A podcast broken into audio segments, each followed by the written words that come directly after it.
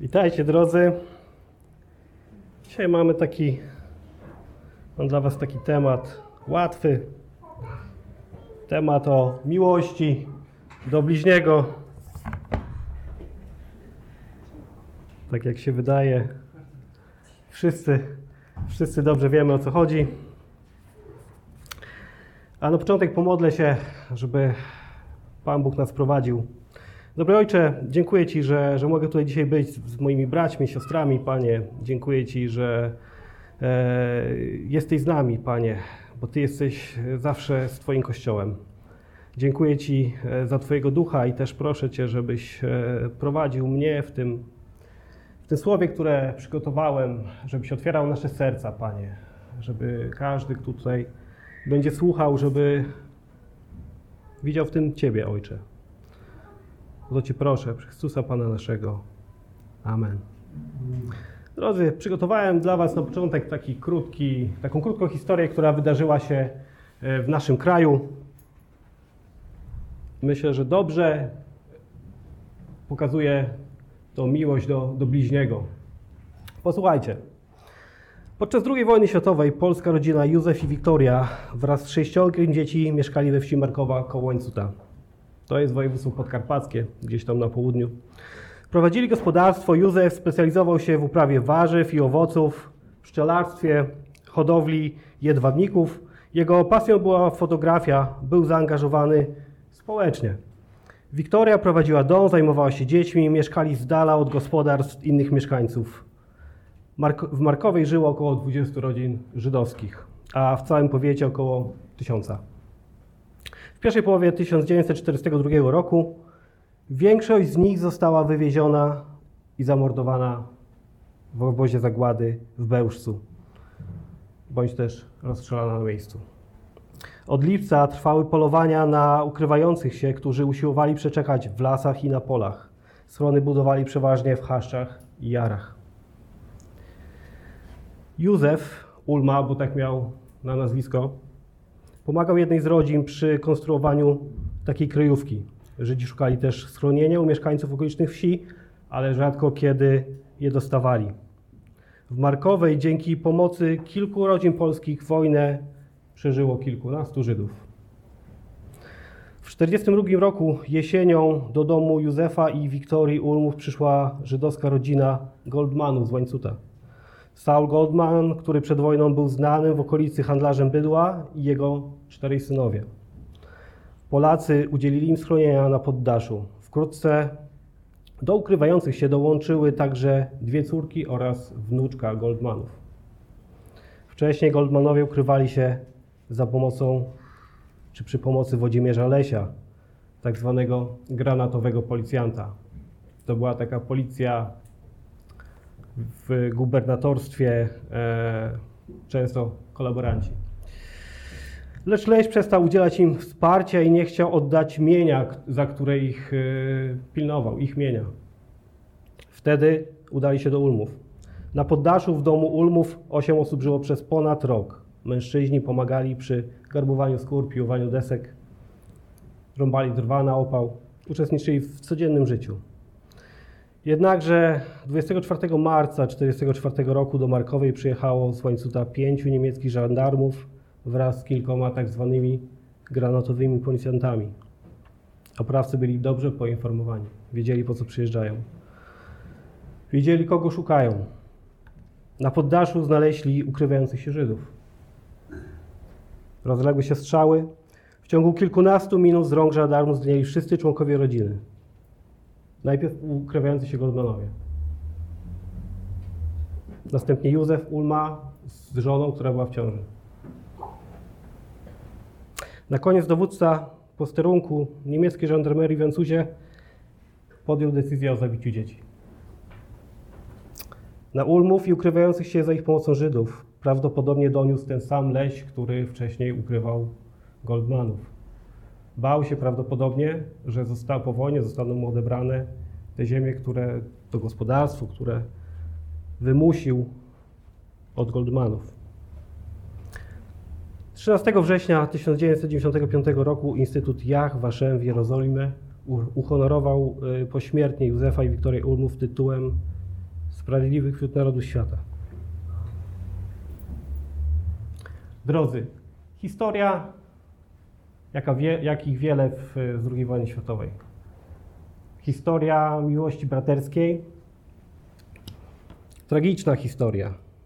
Takich e, historii można by szukać w internecie wiele. Naprawdę, jak spojrzycie, jest, jest ich sporo. Ale ja dzisiaj chciałbym Wam zwrócić uwagę na inną historię miłości, na inną historię z Pisma Świętego. Na pierwszy list Jana, otwórzcie pierwszy list Jana, drugi rozdział, pierwszy list Jana, drugi rozdział od 7 do 11 wersetu. Umiłowani, nie podaję wam nowego przykazania, lecz przykazanie dawne, które mieliście od początku. A tym przykazaniem dawnym jest to słowo, które słyszeliście. A jednak nowe przykazanie podaję wam. To, które jest prawdziwe. W nim i w was. Gdyż ciemność ustępuje, a światłość prawdziwa już świeci. Kto mówi, że jest w światłości, a brata swojego nienawidzi, w ciemności nadal jest. Kto miłuje brata swego, świat, w światłości mieszka i nie ma w nim zgorszenia. Kto zaś nienawidzi brata swego, jest w ciemności i w ciemności chodzi i nie wie, dokąd idzie, gdyż ciemność zaślepiła jego oczy.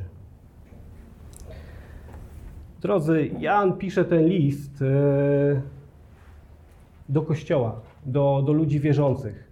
W tamtych czasach, pod koniec, prawdopodobnie pod koniec I wieku, kiedy to zostało napisane, e, w kościołach lokalnych w tamtym rejonie byli fałszywi nauczyciele, wyłaniali się ze struktury kościoła, czyli wychodzili z kościoła. To nie były oso osoby obce. Czerpali oni z różnych trendów filozoficznych, siejąc w kościele herezję, podważając fundamenty nauki apostolskiej. Nauczyciele ci pro propagowali nowe idee, które ostatecznie zyskały miano gnostycyzmu. I to właśnie z gnostycyzmem walczył Jan w swoich listach. Gnostycy twierdzili, że materia jest zła, zaś duch, z ducha pochodzi dobro. W wyniku tego przypuszczenia fałszywi nauczyciele, pomimo iż uznawali część boskości Chrystusa, zaprzeczali Jego ludzkiej naturze, która wedle gnostyckiej zasady łączyła ze sobą ideę zła. Więc brali to, co boskie z Jezusa, natomiast to, co ludzkie, ciało, wszystko, że duch, w ciele, to odrzucali. Wyznawali także posiadanie lepszego poznania, czyli prawdy znanej tylko tym, którzy zostali wtajemniczeni. Uważali, że tylko oni mogą posiadać mistyczne poznanie w prawdzie, ponad, nawet ponad Pismo Święte. A więc, drodzy, przejdźmy do naszego tekstu. W pierwszym wersecie naszego fragmentu Jan pisze: Umiłowani, nie podaję wam nowego przykazania, lecz przykazanie dawne, które mieliście od początku. A tym przykazaniem dawnym jest to słowo, które słyszeliście. A więc Jan zapewnia ludzi, że nie ma dla nich nowego przykazania. Zapewnia Kościół. I to ważne, że on pisze do Kościoła. On nie pisze do, do ludzi ze świata. On pisze do ludzi wierzących. Można powiedzieć, że pisze tutaj do nas. Ale dokładnie do kogo pisze? E, można Kościół można podzielić na taki Kościół widzialny, gdzie tak jak tutaj wszyscy jesteśmy e, wierzący, niewierzący, to jest Kościół widzialny. Natomiast Kościół niewidzialny e, to wszyscy, którzy są odrodzeni. Gdzieś tam Pan nasz wie, kto jest odrodzony, kto nie. I Jan pisze właśnie do tego kościoła niewidzialnego, tego do ludzi wierzących, do ludzi odrodzonych. Pisze do nich e, o nowym przekazaniu. Co więcej, mówi, że ale ja wam nie zamierzam dodawać nic do tego, co już powiedziałem. Nie ma nowych nakazów. Powtarza jedynie to, co już znają albo powinni znać.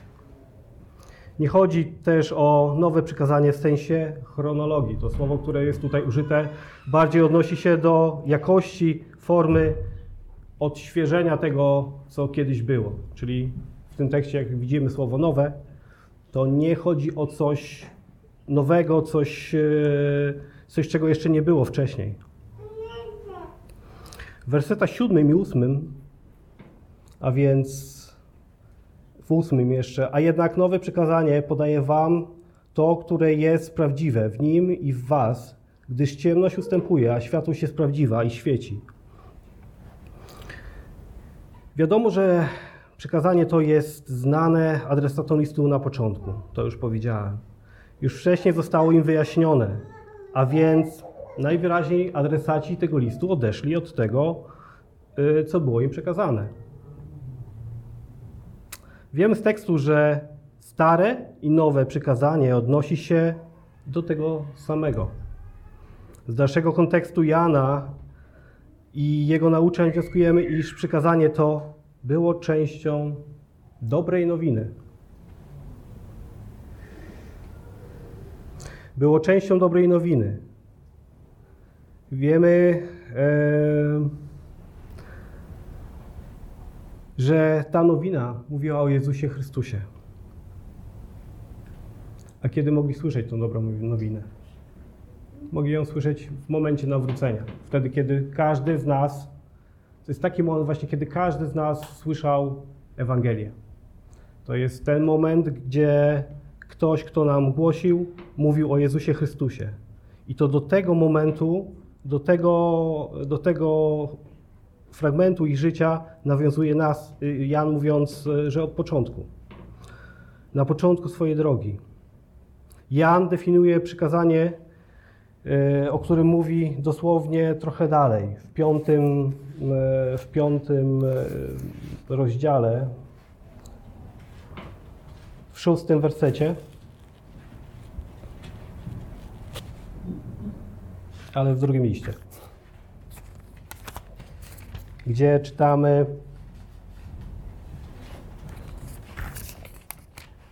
O, w drugim liście. Nie, przepraszam.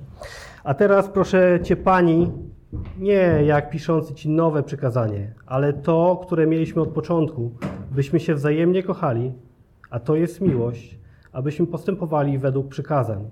A to jest przykazanie, jakie słyszeliście od początku, abyśmy zgodnie z nim postępowali. A więc widzimy, że chodzi o miłość. Oba wyrażenia, stare i nowe, odnoszą się właściwie do miłości. Jest ono jednocześnie też nowym przykazaniem, gdyż Jezus odświeżył je. E, gdzie, e, czytamy o tym w Ewangelii Jana w 13 rozdziale. W Ewangelii Jana w 13 rozdziale, w 34 wersecie, gdzie Jezus mówi: Nowe przykazanie daję wam, abyście kochali jedni drugich, abyście kochali się tak, jak ja was ukochałem. Oraz w Ewangelii Mateusza w drugim rozdziale Będziesz miłował Pana Boga swego z całym swoim sercem, całą swoją duszą i całym swoim umysłem. To jest największe i pierwsze przykazanie. Drugie podobne jest do niego. Będziesz miłował bliźniego swego jak siebie samego.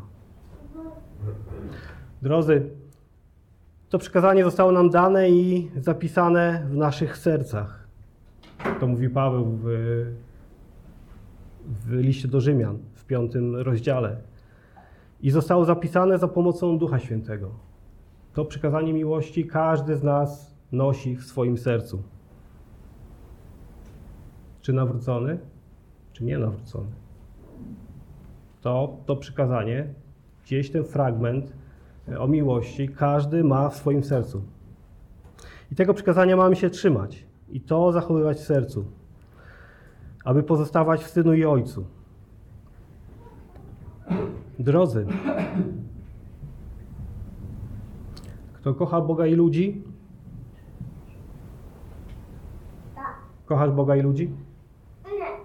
Nie. Nie można być bez Boga. Nie można być, yy, nie można być z Bogiem i nie kochać ludzi. Nie da się. On jest sprawcą tego, że kochamy bliźnich. Także sam chrześcijanin w swoim sercu chce miłować ludzi, bo to drugi cel w naszym życiu. A więc miłować Boga i ludzi to nasz cel na tym miejscu, nasz cel tutaj w Wejherowie, tutaj w naszym kościele. Musisz miłować Boga, ale musisz miłować też ludzi. To jest Twój cel. To jest Twój cel i to o tym trzeba pamiętać. Co ciekawe, nowe przekazanie jest zarazem starym przekazaniem miłości, które pochodzi ze Starego Przymierza. W Księdze Powtórzonego Prawa, w szóstym rozdziale, w piątym wersecie czytamy: Kochaj więc y, Jahwe, swego Boga, całym swoim sercem i całą swoją duszą i z całej swojej siły. Dalej troszeczkę w kapłańskiej, albo wcześniej, czytamy w 19 rozdziale: Nie będziesz się mścił i nie będziesz chował urazy do synów Twego ludu, lecz będziesz kochał swojego bliźniego tak jak siebie samego. Ja jestem Jahwe. Jednakże czytelnicy tego listu mogli nie słyszeć, mogli nie znać Biblii hebrajskiej, bo wówczas nie było takiej Biblii, jak mamy tutaj teraz. Nie było Nowego Testamentu. Nowy Testament dopiero się tworzył, a Żydzi używali Biblii hebrajskiej, czyli to, co teraz mamy tutaj w Starym Testamencie. A dlaczego mogli nie znać? Nie znali, bo byli e, tak zwanymi poganami, czyli e, pochodzili, byli prawdopodobnie Grekami. E, więc gdy zwiastowano im słowo, słyszeli Ewangelię. Nie, nie słyszeli tego z y, tych słów ze Starego Testamentu. A więc wyraźnie, wyrażenie od początku nie opisuje początków czasu, początków Izraela, a początek ich życia chrześcijańskiego. Początek, y, ten moment, w którym Jan albo kto inny y, zwiastował im Ewangelię. To jest ten początek, o którym pisze Jan. To po prostu część ilustracji etycznych, które wierzący otrzymali od dnia swojego zbawienia podczas zwiastowania. Nie ma tutaj żadnej innowacji. Nie, jest tutaj, nie ma tutaj wymysłów Jana. To jest to słowo, które oni znali, które było już wcześniej. I tak, drodzy, żebyśmy się dobrze zrozumieli,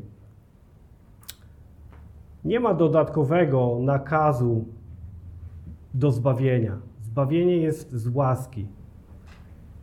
Nie ma dodatkowego nakazu, Jan nie daje dodatkowego przykazania do tego, aby być łatwiej zbawionym. Nie daje nowego przykazania do tego, aby pójść do nieba jako pierwszy. Jan mówi o miłości, która wynika ze zbawienia. Jan mówi o tej miłości, która jest naturalną pochodną tego, że człowiek jest na nowo odrodzony i sam szuka zbawienia. I sam szuka miłości, bo to jest jego naturalna część. Naturalną częścią zbawienia są uczynki. A więc najpierw zbawienie, z którego wypływają uczynki, nie odwrotnie. Nie uczynki, a potem zbawienie. Na zbawienie nie można zasłużyć. Jestem przekonany, że jeżeli rodzina Ulmów nie była na nowo narodzona, mimo tak wielkiej, heroicznej postawy, zbawiona nie została. Nie wiem tego. To przykład, który ma obrazować, że uczynki nie są wymagane do zbawienia i nie mogą się przyczynić do zbawienia.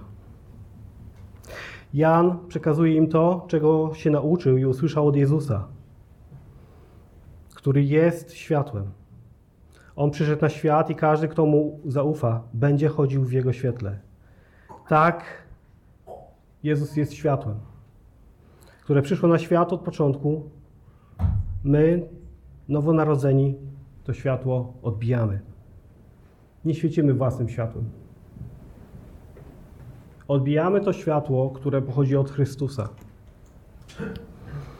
A tego, który chodzi w świetle, będzie można rozpoznać po miłości. Po miłości do bliźniego. Kto nie miłuje bliźniego, nie ma też światła. Czytamy w liście Jana. W wersecie ósmym Jan pisze: A jednak nowe przykazanie podaję wam, to, które jest prawdziwe, w nim i w was, gdyż ciemność ustępuje, a światłość prawdziwa już świeci. A więc o co chodzi? Jakie nowe przykazanie? Tu mówi, że, że nie ma nowego przykazania, a nagle poda- pisze, że przykazanie jakieś nowe podaje. To nowe przykazanie jest przypomnieniem tego, co już wiedzą. Jezus jest tym, który pokazuje nam miłość w nowy sposób. Miłość idealną, miłość odświeżoną, miłość bezgraniczną. To On za nas umarł na krzyżu. Nie musiał, ale za nas umarł. Żadna postać biblijna, nikt w tej księdze do tej pory nie pokazał takiej miłości, nie, nie wypływała z niego taka miłość, jak miłość Chrystusowa. Nie ma takiej drugiej miłości. I to właśnie jest to nowe przykazanie, odświeżone, przykazanie miłości, które Jezus odświeża. Więc stare, a zarazem nowe.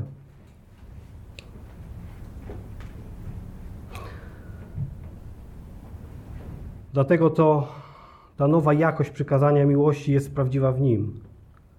Ale uwaga, czytamy, że jest prawdziwa i też w nas. I nie ma tutaj mowy, żebyśmy byli doskonali tak jak Jezus.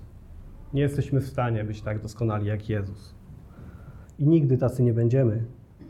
Ale będziemy miłować miłością perfekcyjną, miłością Chrystusową. Będziemy, przez to, że On jest w nas, będziemy się starać miłować bliźniego w taki sposób, jak On miłował, umiłował nas. Nigdy nie dojdziemy do tego perfekcyjnego poziomu. Nigdy. Nawet jakbyśmy żyli tysiąc lat, nie uda nam się. Będziemy się uświęcać, będziemy coraz bardziej e, lepsi w tym miłowaniu, ale nigdy nie będziemy Chrystusem. A skąd to wiem, że będziemy podążać za miłością Chrystusową? Wiemy to dlatego, że Jego Duch mieszka w każdym nowonarodzonym ciele. I ta miłość jest odbita w nas. Jest takim naszym chrześcijańskim DNA. Jest zaszczepiona w nas głęboko. Ta miłość Chrystusowa. Więc Jezus jest światłem Jego dzieci też mają blask. Ciemność tego świata już przegrała. Tego możemy być pewni. To, co dokonało się na krzyżu, to, co dokonał Jezus, raz na zawsze wypełni prawo i zwyciężył grzech. Jezus wypełnił prawo i umarł za każdego, kto wierzy, za każdego, kto za nim pójdzie, umarł na krzyżu. Następnie zmartwychwstał i czeka na spotkanie z Tobą. Teraz jest ważna rzecz, o której każdy powinien wiedzieć. Każdy kiedyś ujrzy Chrystusa. Ale czy ujrzysz Go w chwale? Czy wyciągnie do Ciebie ręce? Czy przyjdziesz na sąd? To już tego nie wiem. Ale Ty możesz, Ty możesz, e, Ty możesz to wiedzieć. A jak możesz to wiedzieć? Możesz podążać za Chrystusem. Możesz stać się Jego dzieckiem. Możesz Go prosić o to, żeby On się zlitował nad Twoim życiem. Żeby zlitował się nad Twoją osobą.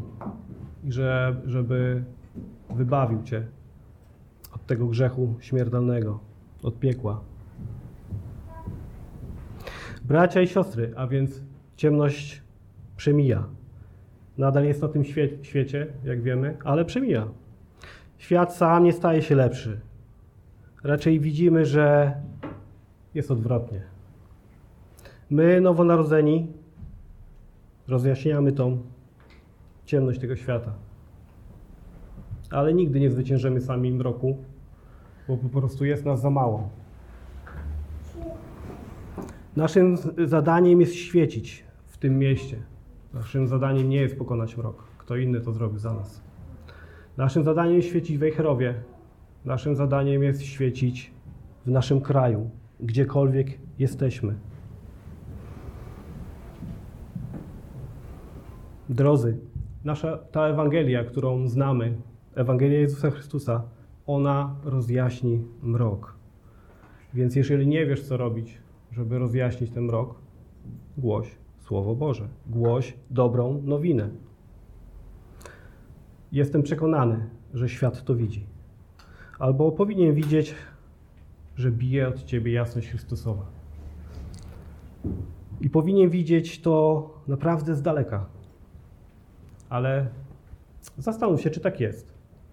Czy świat widzi tą jasność, która od ciebie bije? Czy widzą to w pracy? Czy widzą to w szkole? Czy widzą to u ciebie w domu? Pamiętajcie, my jesteśmy światłością świata, solą tej ziemi, nowym ludem, wybranym za nas. To właśnie Chrystus przelał swoją drogocenną krew i tak wiele wycierpiał. Czy ty jaśniejesz na tle innych? Zastanów się. Czy naprawdę jaśniejesz na tle innych? A może mrok dopadł i ciebie? Jeżeli chowasz swoją lampę pod korcem, nie rób tego. Głoś Ewangelię, głoś Chrystusa. Mów o nim, gdziekolwiek jesteś. To jest naprawdę ważne i to jest Twoje zadanie.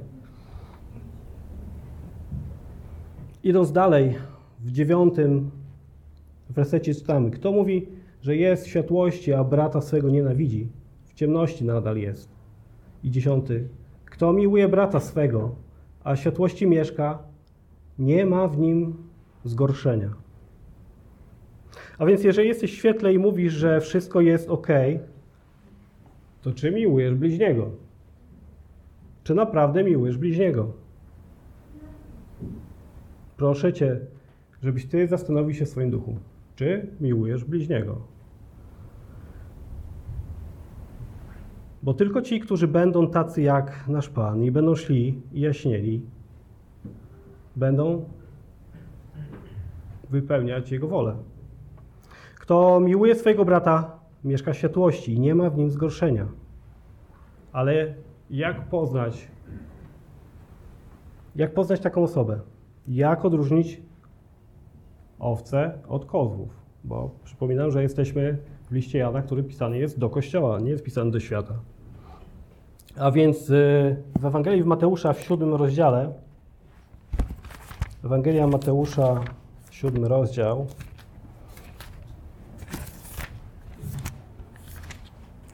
od 15 wersetu słyszymy takie słowa. Strzeżcie się fałszywych proroków, którzy pochodzą, przychodzą do was y, w odzieniu owczym, wewnątrz zaś są wilkami drapieżnymi. Po ich owocach poznacie ich. Czy, czy zbierają winogrona z cierni albo z ostu figi? A także dobre drzewo, czy y, tak każde dobre drzewo wydaje dobre owoce, ale złe drzewo wydaje złe owoce.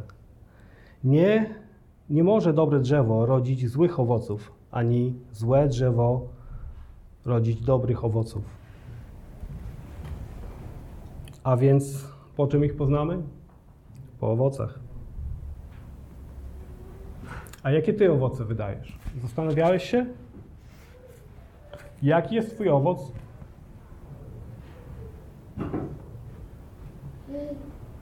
Czy, czy wydajesz jakieś owoce? Nie wiem, przemyśl to. Jak będziesz dzisiaj kładł się spać, przemyśl, czy ty wydajesz owoce i czy te owoce są takimi owocami, które, z, którego, z których nasz Pan byłby dumny. Mówi, że chodzisz w jasności, ale nie ma ciebie w kościele. Jak to jest? Jesteś chrześcijaninem, ale mówisz, że nie potrzebujesz kościoła, bo są tacy, którzy mówią, ale ja kocham Boga i mam tutaj, nie potrzebuję kościoła, nie potrzebuję wspólnoty. Jak to jest, że nie szuka wspólnoty? Ja ci powiem, dobra robota. Jesteś na dobrej drodze, bardzo szerokiej. Ale czy jest na niej światło? Czy na pewno to jest droga, którą szedł Jezus? Zastanów się. Jesteś na dobrej drodze do zatracenia, to jest pewne. Pan tego świata już na ciebie czeka. Szatan już na ciebie czeka. Mówisz, że kochasz Boga. Świetnie.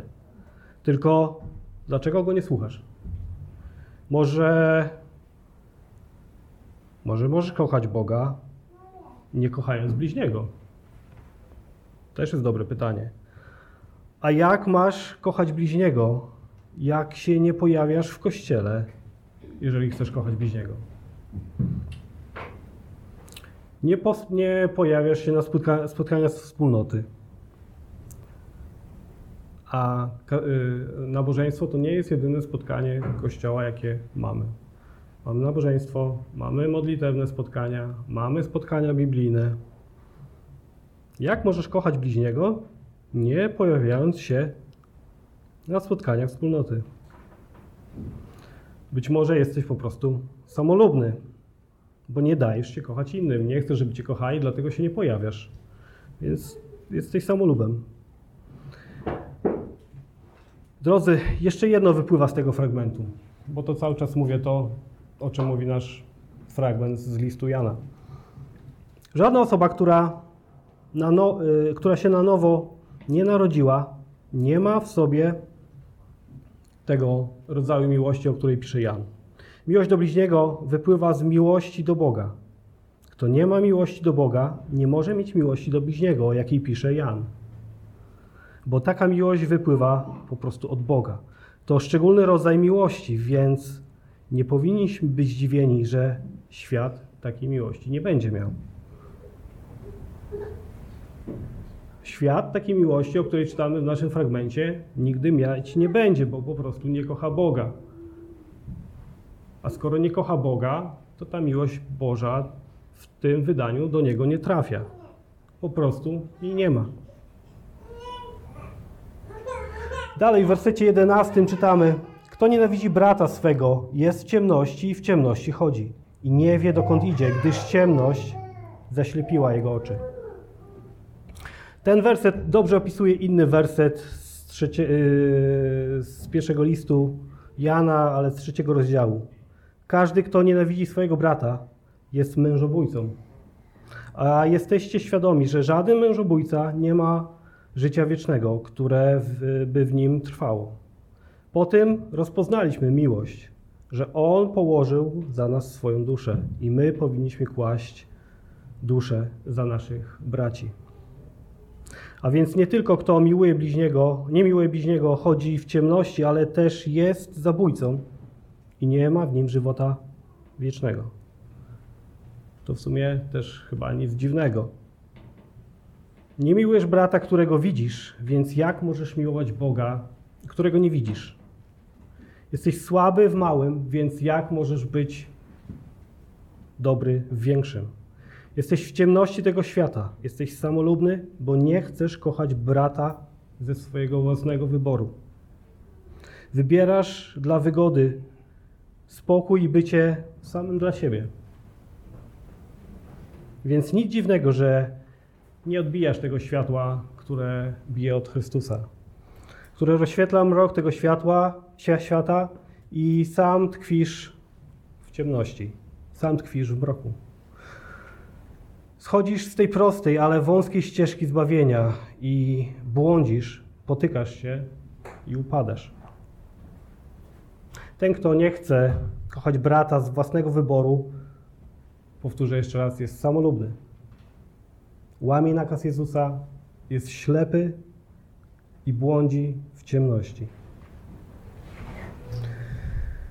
Drodzy, temat miłości prosty, miły, bo jakby, że mógł być inny.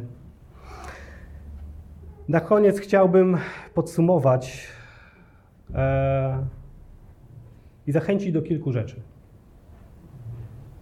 Chciałbym, żebyśmy wszyscy, łącznie ze mną, bo mam z tym ogromny problem, otworzyli oczy na braci, na siostry, na ich potrzeby.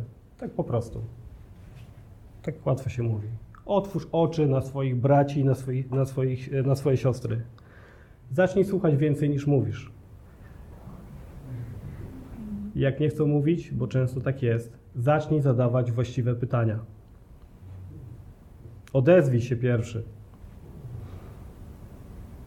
Otwórz serce, bądź wrażliwy. Płacz z płaczącymi, raduj się z radującymi się. Bądź zachęceniem dla, innym, dla innych. Jeżeli chodzisz w ciemności, to jak możesz być zachęceniem dla kogokolwiek? Chyba tylko i wyłącznie dla ludzi z tego świata.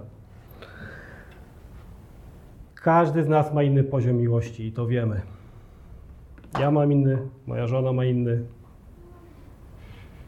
Nie będę mówił, kto ma jaki. Ale ta miłość, którą, którą mają nowonarodzeni, jest od Boga. I każdy ją ma. To jest miłość pomimo.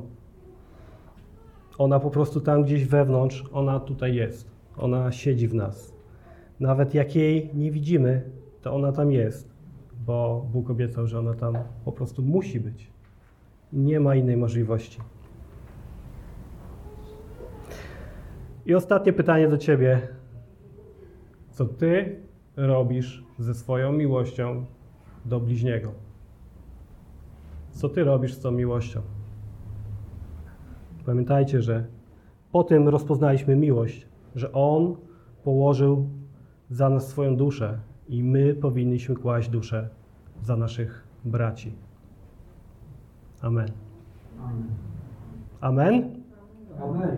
Powstańmy. Pomodlę się.